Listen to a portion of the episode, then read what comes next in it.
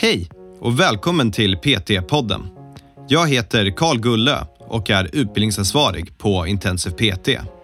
Vi har utbildat personliga tränare sedan 2012 och vill hjälpa så många människor som möjligt till en aktiv och hälsosam livsstil. I varje avsnitt kommer vi att prata med olika människor om träning, hälsa och entreprenörskap. Varje samtal har ett unikt ämne och vårt mål är att inspirera dig till att vilja förstå mer om hur det är att arbeta som personlig tränare eller att hjälpa dig framåt i din karriär som PT. Inte av benlyftsmomentet. Kanske om du gör höftlyften upp mot taket, så, men att det händer någonting i benet har ingenting med bålen att göra. Sen så måste du som alltid stabilisera och det finns statiska kontraktioner men de är inte speciellt relevant för oss. Idag så har vi ett avsnitt som förhoppningsvis kommer lindra lite stress och ångest för några av våra elever. Och det är ett avsnitt som handlar om biomekanik. Det vi kommer göra är att försöka förtydliga hur man ska tänka kring biomekanik och så kommer ni få höra Andreas dela med sig av hans tankar och idéer så att du får det lättare att lära dig det här. Och om du inte går utbildningen då lovar jag att det här är ännu viktigare för dig att lära dig då för att det här är sånt som alla personliga tränare och alla träningsintresserade människor behöver kunna. Nu kör vi!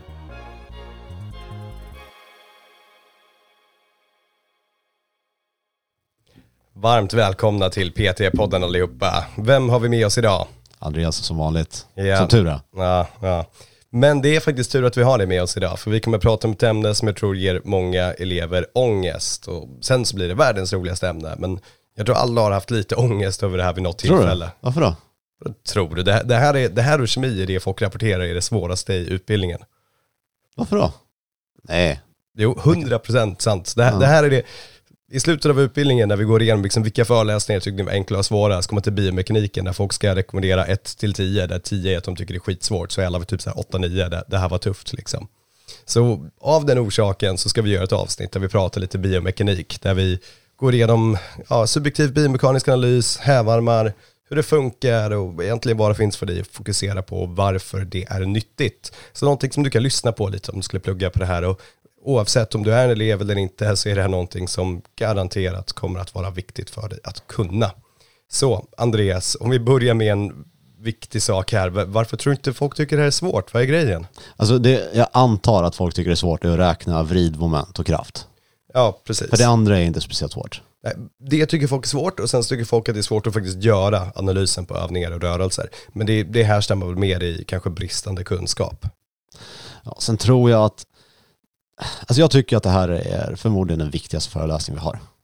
För att vi jobbar med rörelse och biomekanik är rörelse. Precis. Så att, eh, och när man har börjat tänka så här, liksom lite kritiskt tänkande på rörelse, då är det ju biomekanik man gör. Det är en biomekanisk analys jag gör varje gång jag tittar på en klient som gör en knäböj. Och den baseras på vad jag vet om anatomi. Ja, Och vad jag har exakt. sett i rörelse. Och därför heter det också subjektiv. För att allt som jag har samlat på mig, både praktisk erfarenhet av att se massa knäböj, men också där jag har läst till med det teoretiska kunskapen som jag har. Jag tar allt det här och samlar. Och sen så gör jag någon typ av snabb analys på vad, vad tror jag om den här knäböjen. Det är en biomekanisk analys. Och det är ju, gör vi hela tiden, varenda rep, varenda dag. Precis, och det, det gör det ju på massa olika övningar också. Det finns ju böcker om golfsvingar och hur biomekaniken är bakom det och det kommer hjälpa folk att göra bättre golfsving och tennislag och liksom alla rörelser som finns. Allt, alltså bio, alltså det är ju levande organismer, så det är ju till och med hästens travsteg. Så all, alla levande saker som rör på sig. Ja, alltså, ut, utmaning, ta fram eh, subjektiv biomekanisk analys på hästens travsteg allihopa. Det är, Ja, men det, alltså det, måste, det tror jag att vi båda skulle kunna. Om vi först får sätta oss och läsa anatomin för, för hästen hur det ser ut. Och sen så titta på, eh, på rörelsen så tror jag att vi kan göra. Men det, egentligen behöver inte ens veta det. Det är de sto, stora, det, det som är deras typ motsvarande kvadriceps, det är främre låren som kommer vara här och pressa. Så där trodde jag också, trodde att jag kunde för att jag, men det visade sig att jag hade fel på vad hundars, vad deras deltoideus och vad deras triceps är. Okej, så det här är inte poängen. Vi ska inte komplicera det här med att få det att handla om djur, utan nu ska det handla Inga om hundar. människor. Nej, inga hundar, även om vi älskar hundar. Det här ska handla om människor och vi börjar med, en, ja, vi börjar i början helt enkelt, vilket är um, hävarmar. Vad finns det och varför bryr vi oss? Vad spelar det för roll? Okej, hävarmarna så har vi tre stycken klasser av hävarmar. Vi har första som är som en gungbräda, alltså vi har rotationscentrum är beläget mellan två stycken krafter. Så en gungbräda helt enkelt. Ja, en gungbräda. Exempel i kroppen? Alltså nacken, om du tittar på flexion och extension i nacken så kommer det vara en gungbräda liknande. Ja. Eh, sen har vi eh, två och då är rotationscentrum i ena änden och sen har vi eh, extern, alltså kraften, den utomstående kraften är eh, i, i mitten och eh, intern och muskelkraften är längst ut. Och om ni tänker er en skottkärra så förstår ni den principen. Alltså rotationscentrum i hjulet, vi har vikten som vi ska flytta i mitten och sen så är vi vår muskelkraft och vi bär i handtaget längst ut. Och den är konstruerad så av en anledning och det är för att vi ska kunna flytta mycket vikt. Och exempel på detta i kroppen? Vaden är ett bra exempel. Du vet hur stark man är i vadhävningar. Åh, så stark. Tänk om allt såg ut så starka vi skulle vara. Och så har vi tre, det som är den vanligaste. Och då byter vi plats på intern och extern. Och då får vi en biceps curl till exempel. Okej, och vad är, vad är nyttan av det här? Varför behöver vi kunna det då? Hur hur ska jag faktiskt använda det praktiskt när jag arbetar sen? Alltså det viktigaste att få med sig från det här, det är att det som avgör hur mycket kraft vi behöver generera för att flytta ett externt objekt har att göra med förhållandet mellan intern och extern hävarm. Och e- Externt objekt, vi pratar typ en hantel eller en kettlebell eller vad, vad det ska precis vara. vad det, skivstång, ja, det liksom. kan till och med vara din egen kroppsvikt. Okej. Så beroende på vad vi, vad vi sätter i den här belastningen. Eh, och just att det är, det handlar inte om hur kort eller lång den interna eller externa hävarmen är, utan det handlar om förhållandet mellan dem. Och det är det här som brukar vara det som är svårast att koppla. Att de tänker att ja, men om jag bara hade haft en längre intern hävarm då skulle jag kunna bicepscurla mer. Då säger jag allt. Ja, men det gäller också att, då att den externa hävarmen inte flyttar sig. För att då blir det ju samma, förhållandet blir densamma då. Ja. Så att om vi kan hitta saker i gymmet till exempel, vi vill flytta så mycket vikt som möjligt, till exempel i eh, en, eh, ett marklyft, så vill vi ju korta ner den externa hävarmen. Definitionen av den externa hävarmen är vinklat avstånd mellan viktens kraftriktning och rotationscentrum. Rotationscentrum kommer vara där i kroppen som det rör sig i leden då. Jag älskar när det är så här grejer där man behöver en definition som folk tycker det här är lite svårt. Då, då speedar du upp när du säger den. Ja. Ja, det gör du. Ta, ta det långsamt en gång till. Okej, vinkelrätta avståndet mellan viktens kraftriktning och rotationscentrum. Så varsågoda lyssnare. Fortsätt. Där har vi det. Eh, så det betyder alltså att den interna hävarmen, vinkelrätta avståndet mellan muskelns kraftriktning och rotationscentrum, den kommer att vara bestående, så den kommer inte ändras speciellt mycket. Och om det då är förhållandet mellan intern och extern som avgör den här kraften, hur mycket det behöver kompenseras för i muskeln för att flytta vikten, så vill vi ha så lite, så lite skillnad på dem som möjligt. Ja. Och vi kan ju inte göra någonting åt den interna, så då kan vi, det enda vi kan göra är att minimera den externa. Så ju längre mot kroppen vi har stången, desto lättare kommer det vara att lyfta den. Desto mindre kraft behöver muskeln generera. Och det förklarar ju, och när man förstår den här principen så förstår man till exempel varför det kommer vara lättare att göra muscle-ups med ett eh, fall script till exempel. Precis. Så att eh, viktiga principer att förstå. Sen i praktiken så kommer man ju aldrig egentligen göra de här uträkningarna. Vi behöver inte räkna på vridmoment. Vi ska kunna hur man gör, vi behöver inte göra det. Eh, Känner du att du vill gå igenom hur man räknar på det? Alltså det gör vi ganska mycket i, eh, i föreläsning, men om, om vi tittar på eh, först kraft. Jag, jag, gör så här. Vi, vi har det i föreläsningarna, så ge, ge, vad är det folk brukar missa när de räknar på det? Jag tror att folk bara blandar ihop vad, vad det är för någonting. Alltså det första man ska komma ihåg är att hävarmen är ju en distans som ni måste mäta i meter för att det ska bli rätt. Så att titta upp på en hävarm så är det ju en, ja, hur långt det är mellan eh, rotationscentrum, alltså leden, till, eh, till hävarmen då. Så vadå, min armbåge till hanteln? Till exempel i en biceps curl. Nej, det, är- det är ett vanligt fel också. Okej. Utan definitionen, vi tar den igen, vinkelrätt avstånd mellan viktens kraftriktning och rotationscentrum. Alltså inte själva vikten, utan vilken kraftriktning den har. Och viktens kraftriktning, den är precis rakt ner, den påverkas ju av tyngdkraft. Så kraftriktningen är precis rakt ner. Okej. Så om du drar en rak linje genom hanteln, rakt ner i marken och mäter från därifrån där det är 90 grader in till kubit eller armbågsleden. Där får du den externa hävarmen. Och där har vi en bra sak att förtydliga då. Ja men det, det är någonting som, som eh, missas en del. Det var därför jag tog upp det här exemplet. Det var Ja. absolut inte baserat på okunskap. Nej, just det. Precis, det var mycket skillat. Eh, Okej. men jag tror att de där siffrorna, visst, det, det kräver att man nöter lite grann för att det här med Newtons andra lag och eh, vridmoment, det, det är inte logiskt, det är inte någonting som man kanske stöter på. Det går inte att lista ut hur man gör, utan man måste bara helt enkelt lära sig. Så det, det, det är bara nöta det där. Det, är väl som allt med matte, att du får göra det några gånger. Ja. Och faktiskt bara sitta och skriva ut det några gånger. Ja. Och sen till slut när du har lärt dig ordningen på hur du gör det, då är det inte svårt längre. Och ett tips här är att eh, om ni har problem med det här, ni, ni får ju exempel av oss. Vi har ju exempel både i föreläsning, vi har exempel på bloggen, eh, i vårt quiz. Om ni inte förstår dem till 100%, testa att göra egna med kanske en annan led, kanske lore curl eh, och sätt lite andra siffror bara för att ni ska få byta så att det inte blir samma siffror som vi sätter. Ja, absolut. Superbra tips.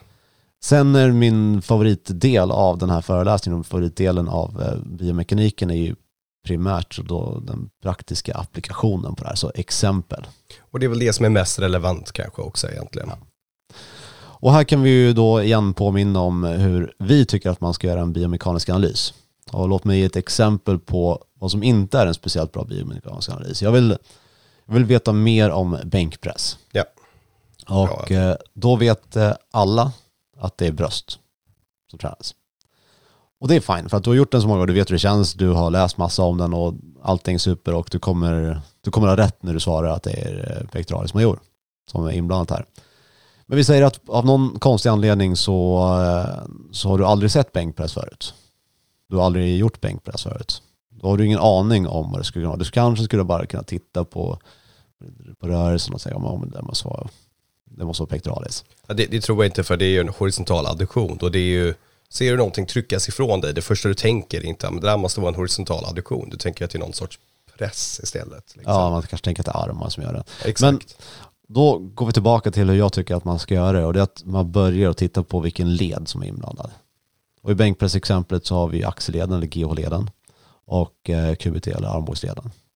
Så om vi har listat ut det här då har vi en bra bit på vägen för att nästa steg är att titta, okej de lederna finns det rörelse över. Och det, i biomekanik tittar vi på dynamiska saker så vi, vi bryr oss inte så mycket om statiska kontraktioner. Så vart mina, mina fötter, mina, min Ja, rygg du alltså. spänner säkert det, bålen massa i bänkpressen men, men, men det är inte det vi jag kollar tycker på. inte att det är en transversus, nej. Det, det är inte det som är fokus utan det är dynamiska rörelsen. Och det är heller inte ett måste. Ta bänkpressen till exempel. En del tycker att ja, men det är magen för att jag spänner magen massa. Det är bra Ja, men kan du göra det utan att spänna magen? Ja.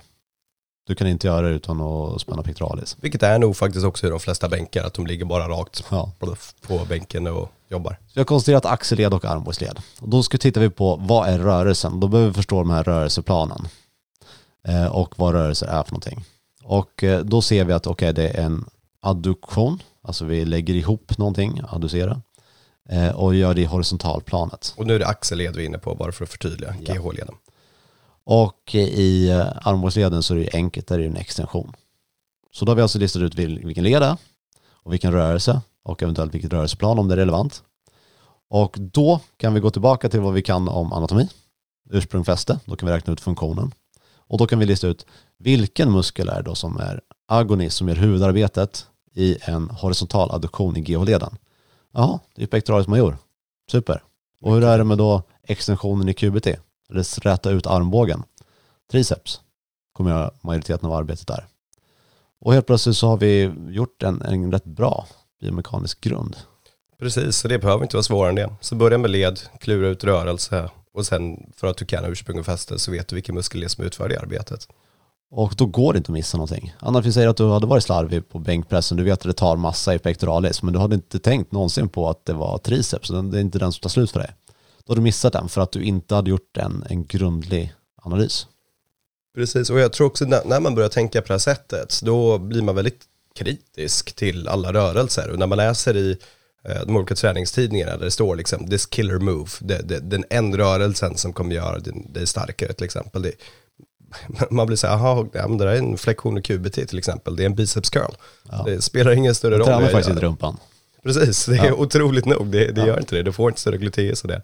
Så det, det blir, man lär sig mycket mer och man får en större förståelse som gör att man ja, faktiskt inte går på saker lika lätt. Det blir svårare att sälja saker till dig. Ja. Vi har ju ett bra exempel på det här och det är ju, ja men du har gjort den här övningen där du ligger på marken och så låter du benen falla ner mot marken och så drar du upp dem igen. Benlyft. Ja, benlyft. Ja. Och eh, där vad den läser så är det ju primärt bålövning. Precis, det, det är ju det, i alla fall den som är markerad. Om du skulle googla den så Garanterat. får du upp den här bilden. Och det är ju ganska lätt att tänka sig att ja, men det, det finns någon bålaktivering där och det känns i bålen när jag gör den och det, det är jobbigt. Men tittar vi på vad det faktiskt är som händer så börjar vi så vad är det, vad, vad är det faktiskt som händer? Och vi börjar med igen vilken rörelse och den har ju bara rörelse i en led. Och det är höftleden så det är koxa.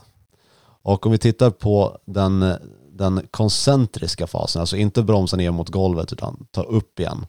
Det, det vi har då är en flexion. Precis, en, en böjning så att säga. Ja. För att göra visuellt för folk. Så flexionen i, i koxel i höften eh, kommer vara våra höftböjare, eller iliopsoas eller psoas major iliacus. Och eh, tittar vi på bålen, för att primärt då rectus abdominis, den långa raka bukmuskeln, den har inte den funktionen. Den kan inte dra upp benen så här. Den kan göra en, en flexion av hela överkroppen, av torson. Men den kan inte röra benen. Och då brukar jag, i alla fall när jag hade föreläsningen, fråga mina elever varför kan ni inte göra någonting i benen? Och då tänker man efter, ja, den fäster ju faktiskt inte i femur. Precis. Hur skulle den då kunna flytta någonting som har med benen att göra? Det kan den inte. Och sen anledningen att det tar i bålen, det finns väl två förklaringar till det. Delvis så gör du förmodligen en liten flexion, du lyfter, om du ligger kvar med överkroppen men lyfter höften lite grann upp mot taket så gör du faktiskt en flexion av torson. Och eh, sen så också om det drar i höftbland så som man gjort fäster ju på lumbalkotorna. Och det är ju liksom ja, nedre delen av bålen skulle man kunna säga, fast på insidan. Så att det börjar kännas där. Så det, alltså just det här med att det känns som att det tar i den muskeln. Det är inte ett hållbart argument för att någonting tränar någonting. Så, det, så ditt påstående här är att du, du kommer inte få magrutor av att göra eh, ja, benlyften då till exempel. Inte av benlyftsmomentet. Kanske om du gör höftlyften upp mot taket. Så, men att det händer någonting i benet har ingenting med bålen att göra. Sen så måste du som alltid stabilisera och det finns statiska kontraktioner men de är inte speciellt relevant för oss. Så vilken övning då istället om det är specifik bålträning, vi snackar rectus abdominis, är det som du skulle rekommendera? Alltså- om jag gissar på att det är en good old fashioned crunch, har jag rätt Ja, då? du är inne på rätt spår där. Och vad är en crunch? Det är att försöka bita sig själv i magen, det är Ja. en sorts mini-sit-up. Biter själv i naveln brukar Ja. vara ganska bra. Men att, När man gör flexion i torso. ja, att man inte sätter sig upp, liksom jag tar ut flexionen i höften istället. Precis, och sen se till att inte äta pizza varje dag så kommer det bli bra för sexpacket. All right, vad, vad har vi mer för olika analyser? Ska Alltså, vi- vi har två saker till som jag tittar på i den biomekaniska analysen. Och det, det första är att jag kollar på var de externa hävarmarna sitter. Och eh, det här är primärt kanske när jag, när jag jämför rörelser mot varandra. Om jag ska välja en high bar eller en low bar eller en front squat. Så tittar jag på hur påverkar det här då de externa hävarmarna? Var läggs fokus? Och det här kan ha att göra med vad jag vill, vad jag vill träna med mina klienter. Det kan ha att göra vilken led jag vill ha minst belastning på till exempel. Så att eh, det är många saker som spelar in där. Och nästa är, att den hör till lite grann, men det, det har att göra med vilken typ av ledvinkel får vi var. Eh, så till exempel i en, eh, en high bar back så får vi en eh, skarpare, alltså en spetsigare vinkel i eh, knäleden. Precis. Och i en low bar så får vi en spetsigare vinkel i eh, höftleden. Eh, Så det är egentligen de. Jag gör led, rörelse slash rörelseplan, muskel. Jag tittar på externa hävarmar och jag tittar på ledvinklar. Och svårare än så behöver det inte vara. Nej, och jag tycker inte man ska hålla på med, för att när jag har läst en del biomekanik i andra kurser så var det ju tröghetsvärden och friktion, det är ganska irrelevant egentligen i, när vi gör våra analyser. Alltså majoriteten av vårt arbete kommer ju bara vara enkla knäböj, bänkpress, marklyft, biceps curls, tricepspressar. Och då behöver man inte ha en djupare förståelse än, än så. Nej, och det, det jag tycker är coolt med det här det är att vi har ett begränsat antal rörelser som vi kan göra i kroppen. Och alla övningar vi gör, det är bara en kombination av de olika rörelserna baserat på hur vi gör dem. Så du kan lära dig ganska lite som du kan översätta till i stort sett, eller inte i stort sett, du kan översätta det till alla övningar som finns. Och efter det så kommer det vara väldigt enkelt för dig att skapa program utifrån din klients förutsättningar och kunna anpassa om de har eh, ont i axeln när de ska göra axelpressar och ändra mellan flexion och abduktion och så vidare. Det, det ger dig så otroligt mycket så det inte är sant. Ja, när vi tittar på rörelse så Man kan säga att vi, vi kan pressa saker bort från oss och vi kan dra dem mot oss i lite olika rörelseplan. Det där är väldigt mycket av det vi gör. Sen har vi utöver det så har vi lite lateralflektioner, rotationer och sånt här. Men det är ju rätt simpelt. Det, det, ser ju ut på samma sätt. Det är ju i ett rörelseplan i stort sett och det är, ja, det är inget konstigt med de rörelserna. Men förstår du det här äh, pressa från och dra mot i olika rörelseplan, då kan du träning. Ja, jag håller med. Om vi avslutar då, vad har du för tips för folk som vill börja öva på det här? Vart kan de lära sig mer? Vi, ja, alltså det finns ju böcker, men jag tycker att de är ganska relevanta för en personlig tränare. Vi kommer ju framförallt jobba med en subjektiv analys, så vi kommer titta på rörelser. Så mitt tips är, börja titta på vilka leder, vilken rörelse, vilken muskel jobbar. Varenda, när du ser en rodd, när du ser ett latsdrag, när du ser en dipp. Tänk det. Och sen så i nästa steg när det börjar sitta så att du kan i sömnen berätta exakt hur den delen ser ut så börja titta på okej, okay, ledvinklarna, om vi ändrar positionen i kroppen dit, om vi då går från bänkpress till lutande bänkpress, vad ändras? Om vi går från eh, hantellyft sidan med raka armar till, eh, till böjda armar, vad ändras? Hur ser den externa hävarmen ut? Så när vi börjar tänka på det här, då helt plötsligt så kommer allt bli biomekanisk analys och eh, då kommer vi bli på sikt väldigt duktiga på rörelse. Ja, jag, jag har två tips. Det, det ena det är börja prenumerera på någon träningstidning så du får hem den en gång i månaden. Eh, som har mycket övningar. Och när du får hem den tidningen då så tar du upp en stor kopp kaffe och det du gör är biomekanisk analys när du bläddrar igenom den varje gång. På alla olika övningar du ser så försöker du tänka vad tränar det här, varför, vilka rörelser är det jag ser. För då kommer du ha en regelbundenhet av att sitta och öva på det. Och så kommer du få en bra förståelse för det och det kommer skickas hem till dig. Eh, den andra är på YouTube så finns en sida som heter Muscle Motion som gör det här i realtid så att du kan få se det på olika övningar och det kan också vara bra övning för dig så att du får se massa olika analyser helt enkelt. Och det tillsammans med vad vi går igenom i utbildningen tycker jag funkar alldeles super så att du ska kunna lära dig rörelser, eh, förstå vad dina klienter behöver och anpassa träningen därefter. Då har jag också två punkter. Nej, det var ju ett jättebra avslut. Okej, vad är dina två punkter? Finns det överhuvudtaget träningstidningar som man kan prenumerera på längre?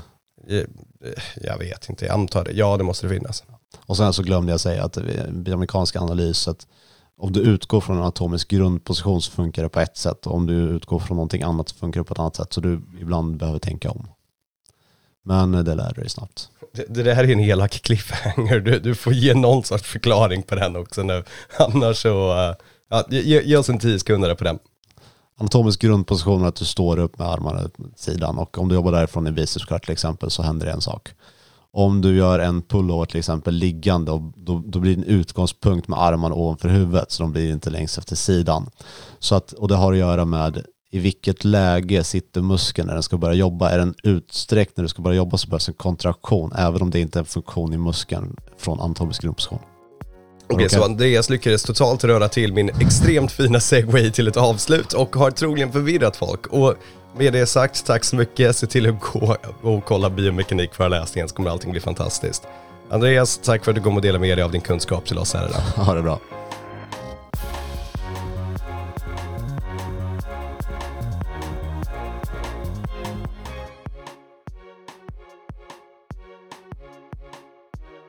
PT-podden är producerad av Intensiv PT.